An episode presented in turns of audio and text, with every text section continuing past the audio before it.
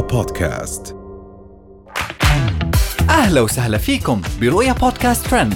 كل إشي بتحتاجوا تعرفوه عن آخر أخبار النجوم والمشاهير وأهم ترند صدر لهذا الأسبوع. هند القحطاني تتحدث للمرة الأولى عن أسباب وفاة والدها. رسالة من شخص غريب لمعاذ ابن هند القحطاني. كفاية يا معاذ أنت ولد قحطان. لماذا أقام محمد رمضان حفله في جدة رغم الاعتداء الإرهابي؟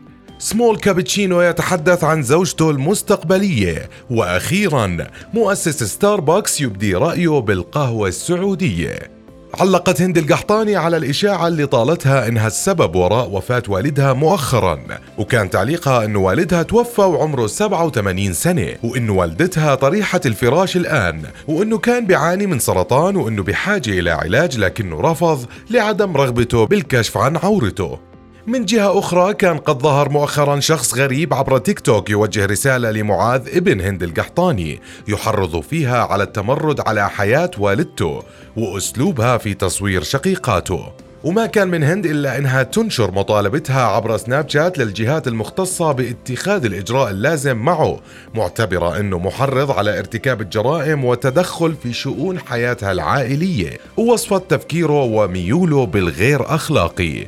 ننتقل للفنان محمد رمضان واللي أقام حفله الأخير في جدة ضمن فعاليات افتتاح سباق فورمولا 1 حيث تداولت الأنباء عن إمكانية إلغاء الحفل. الأمر اللي نفاه الفنان محمد رمضان بعد ما نشر post على إنستغرام من داخل طيارته الخاصة اللي استقلها لقدومه لجدة برفقة ابنه. وطمن فيها الجمهور أنه الحفل بموعده رغم أي ظرف عدواني وتمنى للسعودية وجمهورها دوام الأمن والأمان. ولكن لكن من الملفت بالحفل كانت لحظة اقتحام أحد المعجبين للمسرح ومحاولة الأمن منعه من الوصول لرمضان إلا أنه توقف عن الغناء وطلب من الأمن يسمحوا له بالصعود وقال كلنا شغالين عندهم تعال يا حبيبي. وفي خبر آخر انتشر قبل ساعات على ال social media فيديو للناشط السعودي سعد العنزي المعروف باسم Small Cappuccino وهو بيتخيل مشاكله مع زوجته المستقبلية بسبب شهرته وغيرتها عليه وهذا هو المقطع المتداول اللي أثار الجدل وسخرية المتابعين. أه، توقف عند كافي تجيب اثنين مثلا كابتشينو زوجتك حبيبتك جنبك تعطيها الكابتشينو تبغاها تشرب عيشوا معي الصورة هذه. تلاقيها مطنقرة. ما ابي أح.